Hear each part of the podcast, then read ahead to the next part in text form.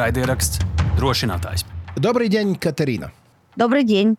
Прежде чем перейти к обмундированию, сначала расскажите нам немножко о своем опыте службы в вооруженных силах и о том, чем вы занимаетесь сейчас. Um, у меня нет опыта службы в вооруженных силах. У меня есть опыт uh, службы в добровольческом uh, батальоне «Госпитальеры». Я в 2014 году после Майдана присоединилась к медикам-добровольцам в составе добровольческого украинского корпуса правого сектора. И там я прослужила год в медико-эвакуационной группе. Мы прям непосредственно приезжали на поле боя к раненому. Я была боевым медиком, просто без статуса, потому что женщины не могли служить на боевых должностях в украинской армии в 2014 году. Моя подруга Мария Берлинская, она инициировала в 2015 году а, адвокационную кампанию «Невидимый батальон», потому что она ездила по фронту, и она распространяла тогда дроны и учила ими пользоваться. Это был 2014 год, у нас ну, по факту не было армии, она была уничтожена Советским Союзом, и подальшими действиями, э, ну, как мы сейчас понимаем, абсолютно преднамеренно уничтожалась украинская армия. Вот. И э, когда Мария, мы с ней на Майдане познакомились, начала ездить по фронту, увидела, что там есть большое количество женщин, но у них э, часто нет какой-то определенной деятельности. При этом женщины проявляют большой интерес к технологиям, например. Вот, и вообще всячески пытаются попасть в зону боевых действий. Многие. А, ну, для нас всех это понятно, почему. Я абсолютно руководствуюсь своим гражданским долгом, да, как гражданка, на чей дом нападают. Они не спрашивают меня, женщина я или мужчина, они нападают на мой дом. И так, в принципе, думают многие. И вот в 2015 году началась адвокационная кампания «Невидимый батальон», потому что женщины добивались того, что э, их пускали на боевую должность, но по документам тех, кто служил именно в вооруженных силах, а, они были там а, швеи, прачки, кухарки, а на деле это были штурмовики, а, артиллеристки, снайперы, боевые медики в том числе. И наша адвокационная компания убрали барьеры во время службы. Мы таким образом начинали создавать наши комьюнити, потому что в адвокационную компанию «Невидимый батальон» ну, Мария пригласила там меня, например, еще многих девушек, которых она узнавала на фронте. И это было такое начало нашей организации. Когда в 2018 году мы наконец-то добились того, что а, для женщин открыли 63 боевые должности в армии, чтобы понятнее был контекст, часть женщин служила в добровольческих батальонах, как и я. Потом эти добровольческие батальоны становились частью армии уже но э, при этом в ней было много-много сексизма. И вот когда женщинам открыли боевые должности, мы поняли, что это только начало на самом деле, потому что ни, ничто на службе не приспособлено да, для э, того, чтобы женщина там могла служить. И то же самое открылась вторая проблема. Некоторые женщины начали уже возвращаться с войны в цивильную жизнь, и мы поняли, что это тоже имеет под собой гендерный аспект. В каком смысле? В системе реинтеграции ветеранов а, по умолчанию ветеран это мужчина. Ну вот, например, женщины и мужчина имеют одинаковые потребности в медицинском обслуживании, да? Но для женщин это будет набор врачей, как и у мужчины, но отличаться будет там гинеколог у женщин, проктолог у мужчин, например, да? Значит, чтобы э, сектор безопасности и обороны был предназначен для женщин, нам нужно порешать этот вопрос, чтобы гинекологов было достаточное количество. Ну, э, там, например, женские казармы, женская одежда да, в армии, женское белье, потому что женщинам выдавали мужские трусы, например, что выглядит довольно странно, но хотя это не есть э, супер таки, таким важным моментом в службе. Это про символизм. Но если мы говорим глобально, наша организация борется за то, чтобы в армии изменилось два фактора. Первое — это отношение к правам человека, потому что фундаментально армия, ее уклад советский, где совсем нету никакого уважения к правам человека, да. Собственно, поэтому мне женщин сложнее интегрировать в армию, вот, но это не делает ее супер классной для службы мужчин. Нам нужно менять нашу армию досконально, фундаментально, потому что то, что строится сейчас, это, конечно, квантовый прыжок. Но мы не забываем, на каком фундаменте это строится.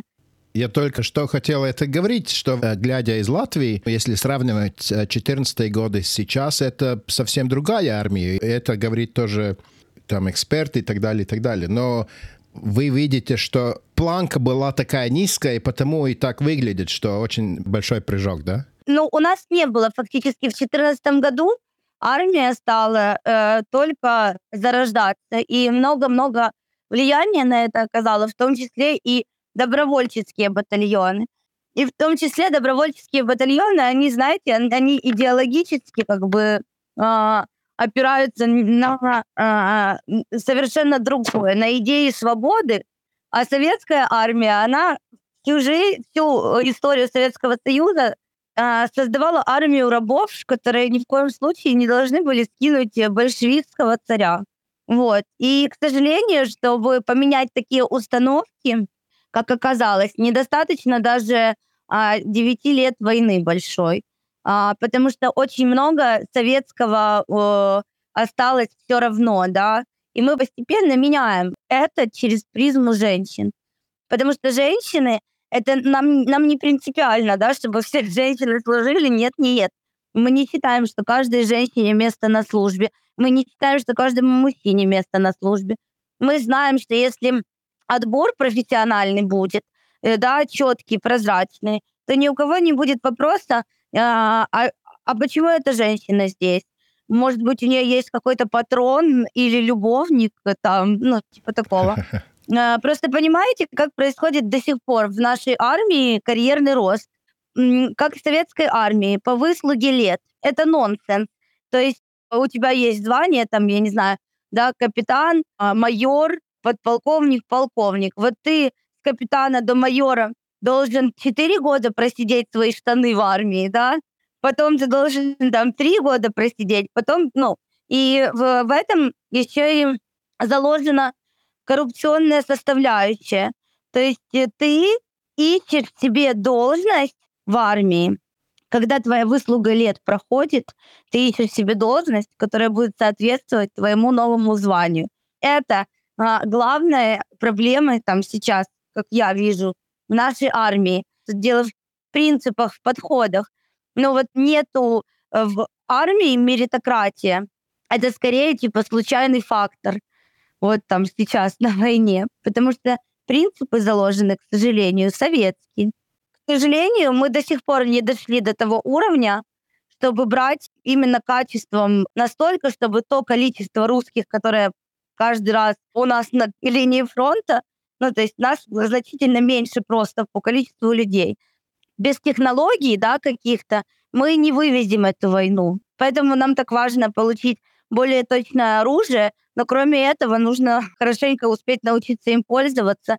Но тогда спрашивается, а что меняется? Эти все разговоры, что это уже другая армия и воюет эм, в стиле НАТО и так далее это все пустые разговоры или... Это точно не пустые разговоры, потому что просто нужно понимать, что было до этого. То есть, вы знаете, в Советском Союзе был запрет, например, на высший чин армейский у украинцев по национальности. Существовало такое негласное правило. Это те, кто э, служит на высоких должностях сейчас, могут об этом рассказать те, кто давно в армии. В армии много чего меняется. Но смотрите, например, как минимум туда интегрировали женщин. А это все равно говорит о, о, о смене view. Вот мы видели, читали в новостях, э, э, прошлые две недели сперва отпустили министра обороны, потом отпустили всех замов э, его. Это часть реорганизации большой или это только показуха? Я вообще не считаю, что это показуха, просто вы судите сейчас в двух плоскостях. Это вранье или это так и есть? Но на самом деле, ну, система любая государственная, она намного сложнее, чем э, две вот эти вот крайности. Армия или поменялась и стала суперской, или осталась такой же э, на уровне там советского дерьма. Нет, все не так. Ну, типа, все гораздо сложнее. То есть в 2014 году армии не было. Что появляется? Появляется, э, например, сержантская реформа, да, из таких важных вещей – уровни взаимодействия теперь а, также, например, позволены на низшем уровне. То есть раньше там из серии что советского, да, там вот это присмыкание перед начальником, да, и начальская э, идея как э, какая-то непоколебимая. Ну, то есть начальниковское самодурство – это вполне себе советский такой э, э, компонент. И если есть действия, которые могут вот это вот самодурство условно эту идею уничтожить на корню. Например, вот когда а, людям разрешили взаимодействие на уровне ротных, да, когда ему можно принимать решения, не спрашивая у самого главного командира, угу. что происходит, да, и от этого э, вещи происходят быстрее. Что типа нужно по-хорошему в нашей армии? Много чего еще нужно сделать. Нужно каждому из процессов бюрократических отнестись как условно к бизнес-модели, да, и посмотреть, что лишнего мы делаем. Типа советская бюрократия – это очень страшная штука, потому что она не позволяет а там быстро принимать решения. Это то, с чем в армии борются до сих пор, да, потому что очень тяжело, особенно в стране, которая воюет, взять и поменять армию, типа здесь и сейчас. Вот представьте, вы делаете кадровую реформу в армии, потому что у нас есть проблема, там нам, ну, там, нам не нравятся командиры, да, потому что они самодуры. Вот мы сейчас берем и делаем реформе.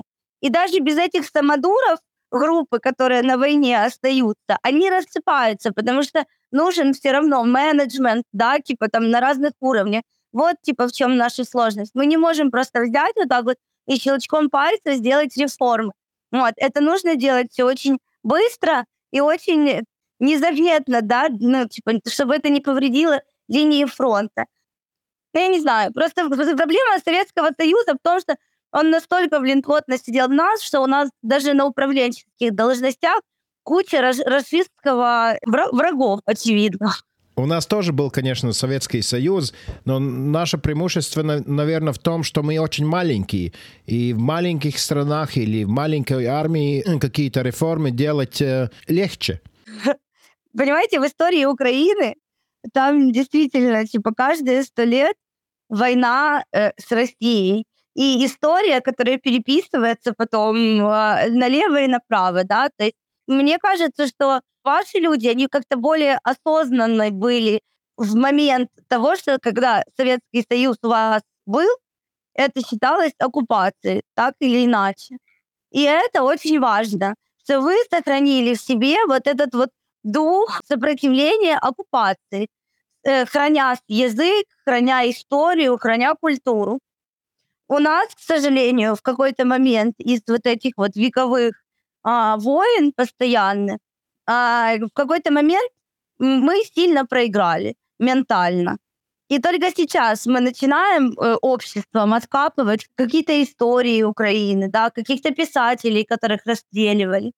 Я не знаю, почему и как, но это исторический контекст, может дело в размере, может дело в расположении, может дело еще в чем-то, но просто вам удалось это сохранить, а у нас э, Советский Союз оккупацией считался э, у гораздо меньшего слоя населения. Вы сейчас очень э, много рассказали про то, как вы видите реформы, где что надо работать, и что работы много.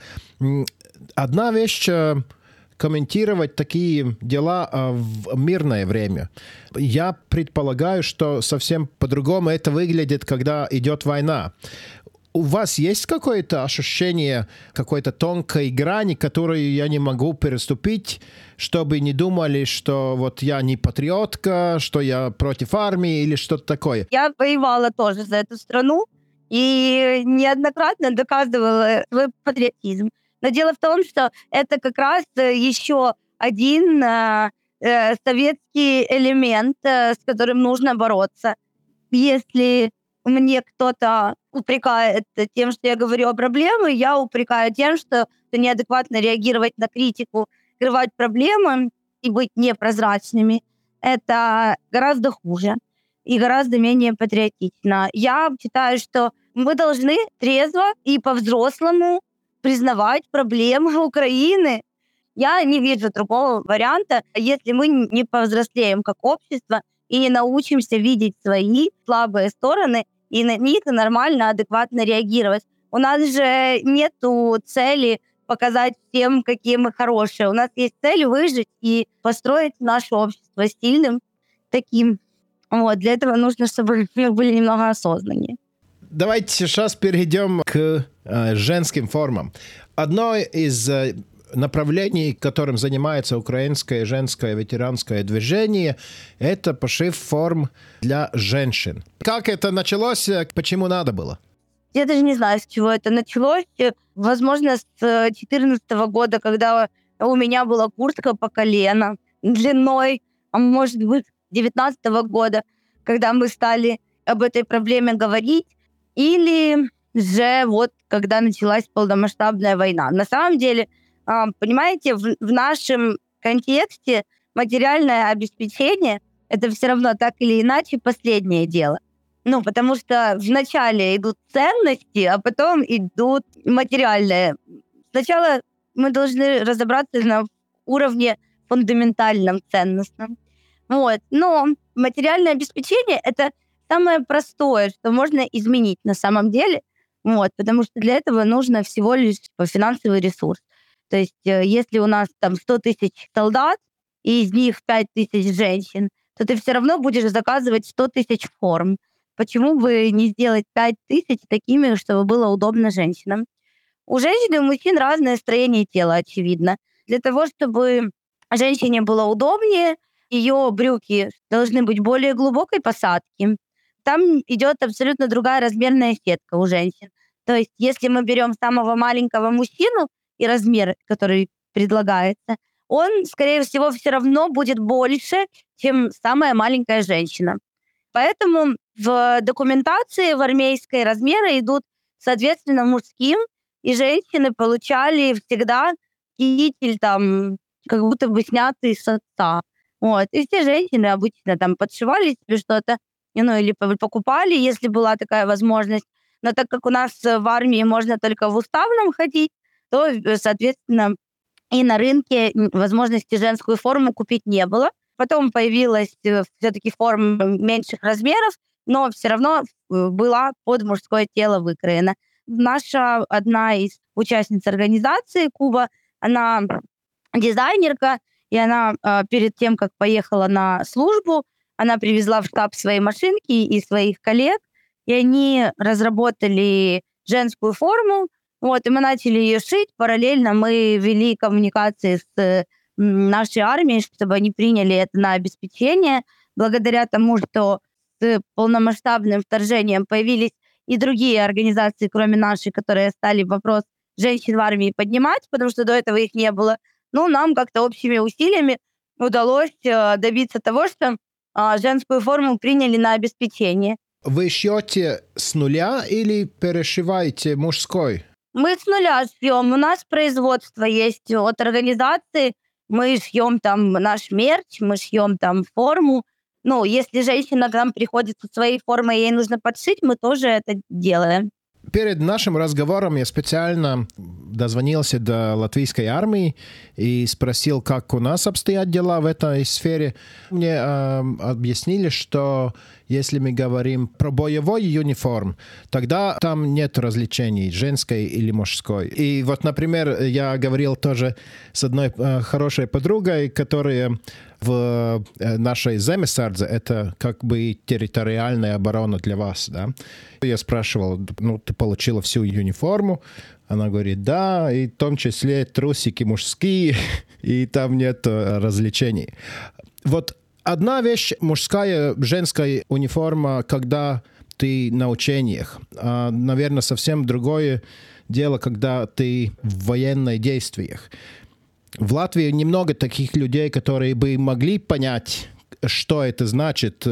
Если можно кратко рассказать про тот ваш опыт или опыт у ваших друзей, почему это важно? Ну, потому что ты и так э, чувствуешь себя как шалтай-болтай, то есть э, очень э, некомфортно на тебе всегда, ну, вот э, бронежилет там это 13 килограмм, рюкзак медика, например, на мне был, это еще 20 килограмм. Мне нужно нагибаться, мне нужно там, ну, падать, мне нужно, чтобы у меня были не скованные движения, мне нужно оказывать ему помощь, чтобы все было удобно, ничего не должно спадать, потому что если я бегу от ракеты, и в этот момент я запутываюсь в своих штанах, в своей длинной кофте, я не знаю, поправляю свои штаны, это все, естественно, будет мне мешать.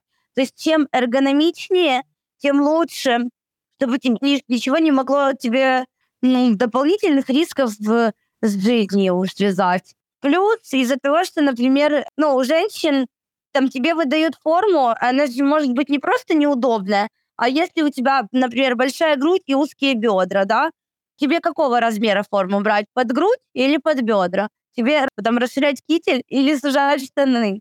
Кроме того, мужские брюки на женщинах, там ниже посадка, то есть они все равно будут неудобно сползать. Вопрос формы — это вопрос не только про форму как такую, это вопрос про отношение к женщинам в армии. Так или не так, как вы думаете? Я убеждена в том, что это именно так, что мы все, женщины, которые служат, готовы идти на очень многое ради этой службы, преодолевать все барьеры и покупать себе самостоятельную форму. Но это вопрос, да, того, как армия принимает или не принимает в свои лавы женщин. Но, знаете, все равно много подводных камней еще осталось для женской службы. Сколько людей э, работает сейчас в вашей мастерской и как много форм удается пошить? Ой, нам нужно понимать, что наша организация — это не только мастерская. У нас э, общественная организация, которая занимается адвокацией прав и э, адвокацией тех важных изменений, о которых я говорила, да, о изменении механизма карьерного роста, права человека в армии, ветеранские политики — по реинтеграции, потому что это все одного поля ягоды. У нас есть благотворительный фонд, который собирает деньги и помогает нашей армии. Э, и в том числе и мы раздаем женскую форму, которую отшивает наш цех, наше социальное предприятие, на котором мы еще обучаем ветеранок, и на котором у нас работают ветеранки. Как много их? Немного. Работает сейчас у нас в цеху четыре свии, из них одна ветеранка, одна конструкторка наша, которая разработала нашу форму, и закройщик. Это шесть человек. Плюс у нас есть несколько волонтерок. Вот там есть уже еще и другие ветеранки, которые прошли у нас обучение, но они повышают свою квалификацию. Мы не можем, к сожалению, их взять на работу, пока они, их уровень не будет соответствовать тому уровню, который он требуется на нашем производстве.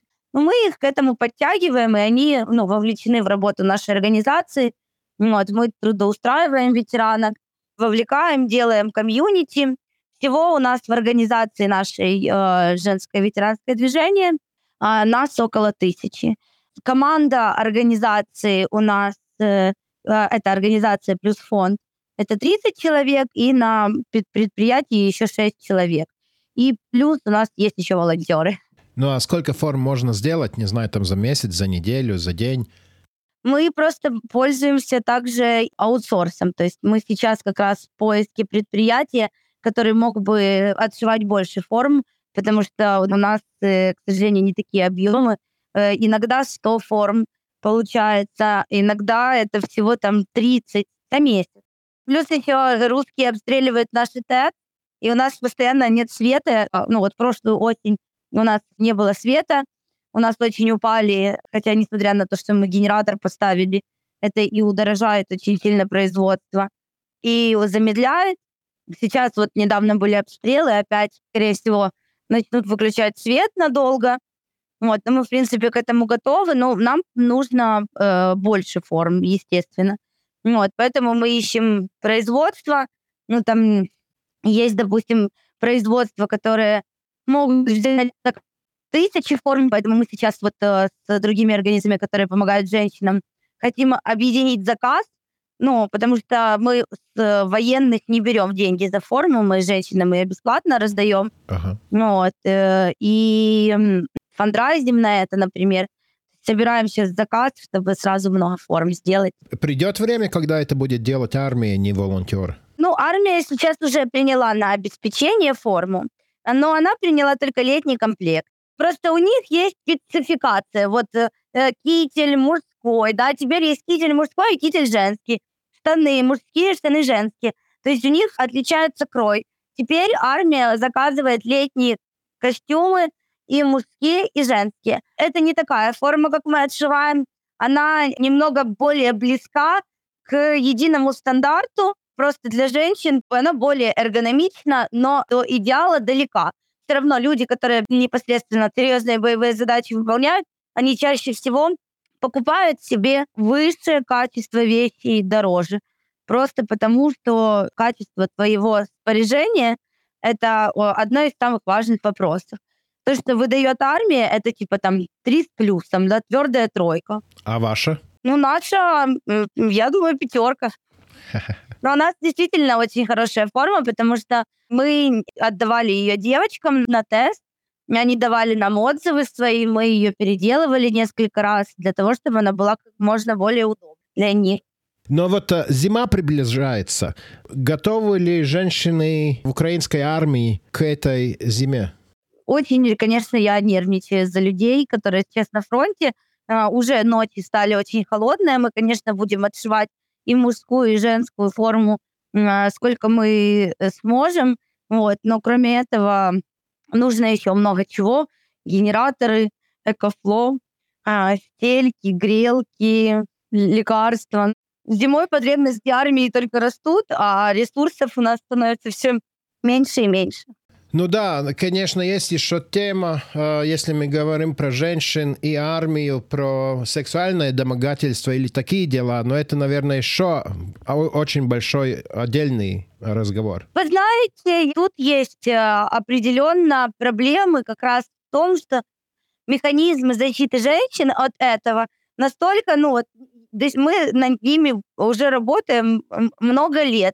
Понимаете, ну там, то есть ты приходишь и какой-то, типа, советский чел в генштабе, он э, убежден, что он знает лучше, что нужно женщинам, чем женщины, которые прошли службу.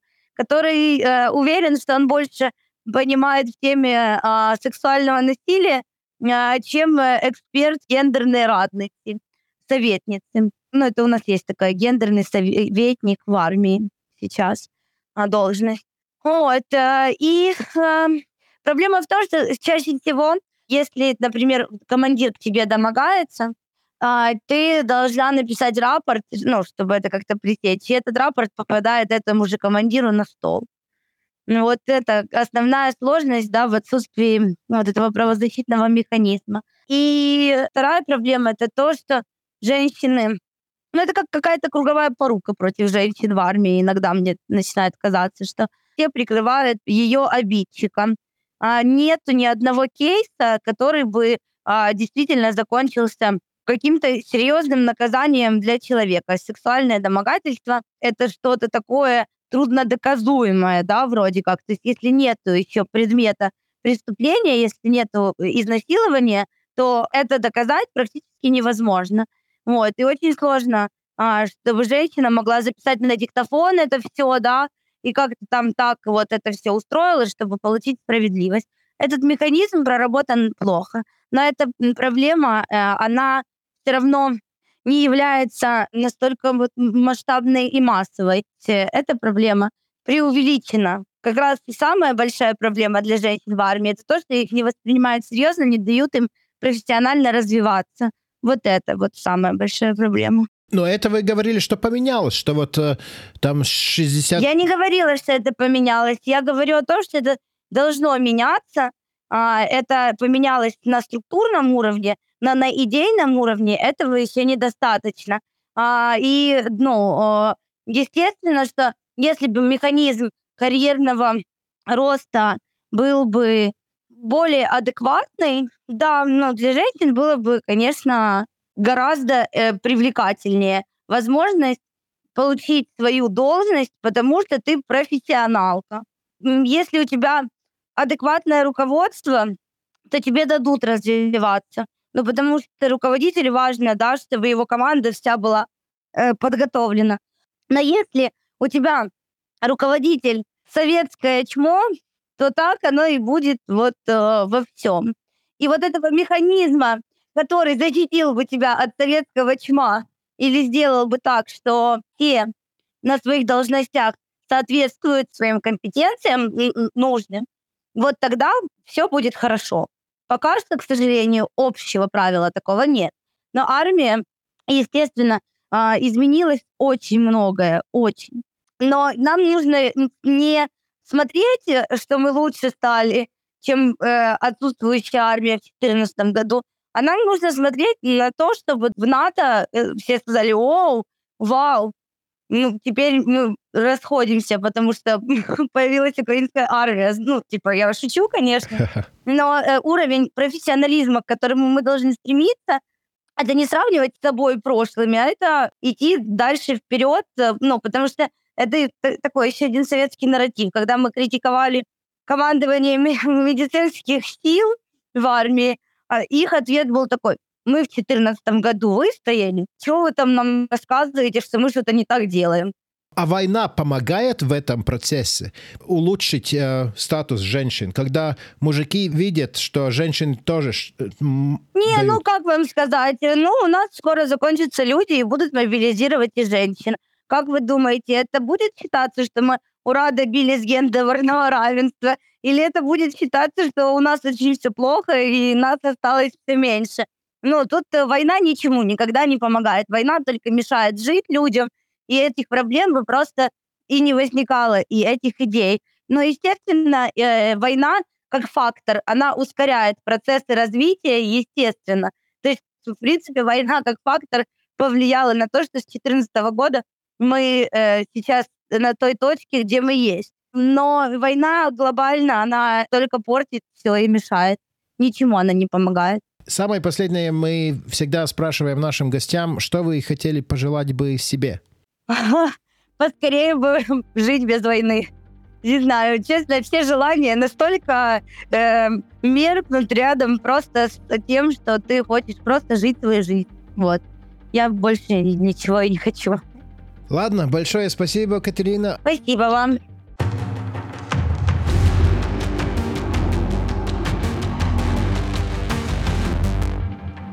Raidieraksts drošinātājs.